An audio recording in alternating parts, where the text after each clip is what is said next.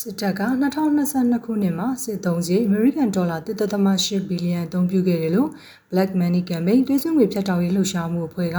မတ်လ28ရက်မှာပြုလုပ်ခဲ့တဲ့အမေရိကန်အစိုးရနဲ့ထိုင်းနိုင်ငံပိုင် PTT Company တို့ကိုဆက်လက်ဖိအားပေးလှုပ်ဆောင်သွားမယ့်သတင်းစာရှင်းလင်းပွဲမှာပြောဆိုခဲ့တာပါ။ PTT ရဲ့လောက်ကွက်တစ်ခုဖြစ်တဲ့ရေသနာစီမံကိန်းတစ်ခုတည်းကနေစစ်တပ်ကိုပေးဆောင်ခဲ့တဲ့အမေရိကန်ဒေါ်လာ1.1ဘီလီယံကစစ်တပ်အသုံးစရိတ်ရဲ့ထက်ဝက်ကျော်ရှိနေတာဖြစ်ပါတယ်။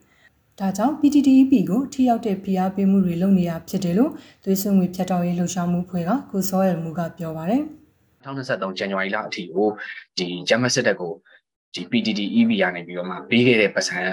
ဒီ1.1 billion အထိရှိခဲ့တယ်ပေါ့နော်အဲ့ဒါဟာကျွန်တော်တို့ project ရေသနာ project တစ်ခုလေးကနေပြီးတော့ ပြီးခဲ့တဲ့ပတ်စံပေါ့နော်ကိုကတော့ Zodica project ကနေပြီးတော့ရလာတဲ့ဒီ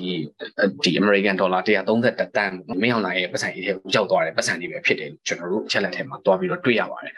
အသုံးလေးက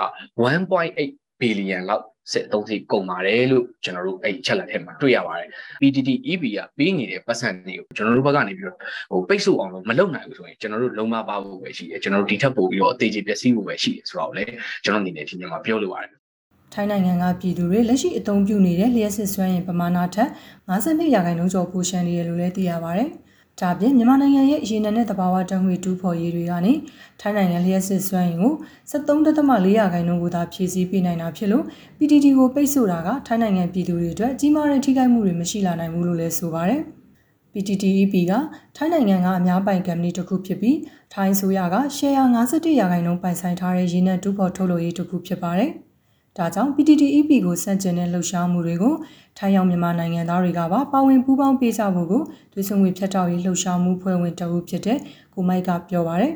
ဒီထိုင်းမှာရောက်နေတဲ့မြန်မာနိုင်ငံသားတယောက်ချင်းစီကနေပြီးတော့ PTT ထုတ်ကုန်တွေကိုမတုံဘူး PTT စီဆိုင်တွေမှာစီမထည့်ဘူးထိုင်းမှာရှိနေတဲ့အချိန်မှာကိုယ့်ရဲ့အနိစ္စတဲ့မိတ်ဆွေတငယ်ချင်းတော်လကောင်းနော်ကျွန်တော်တို့လုတ်ပေါ်ကင်ဖက်တွေတော်လကောင်း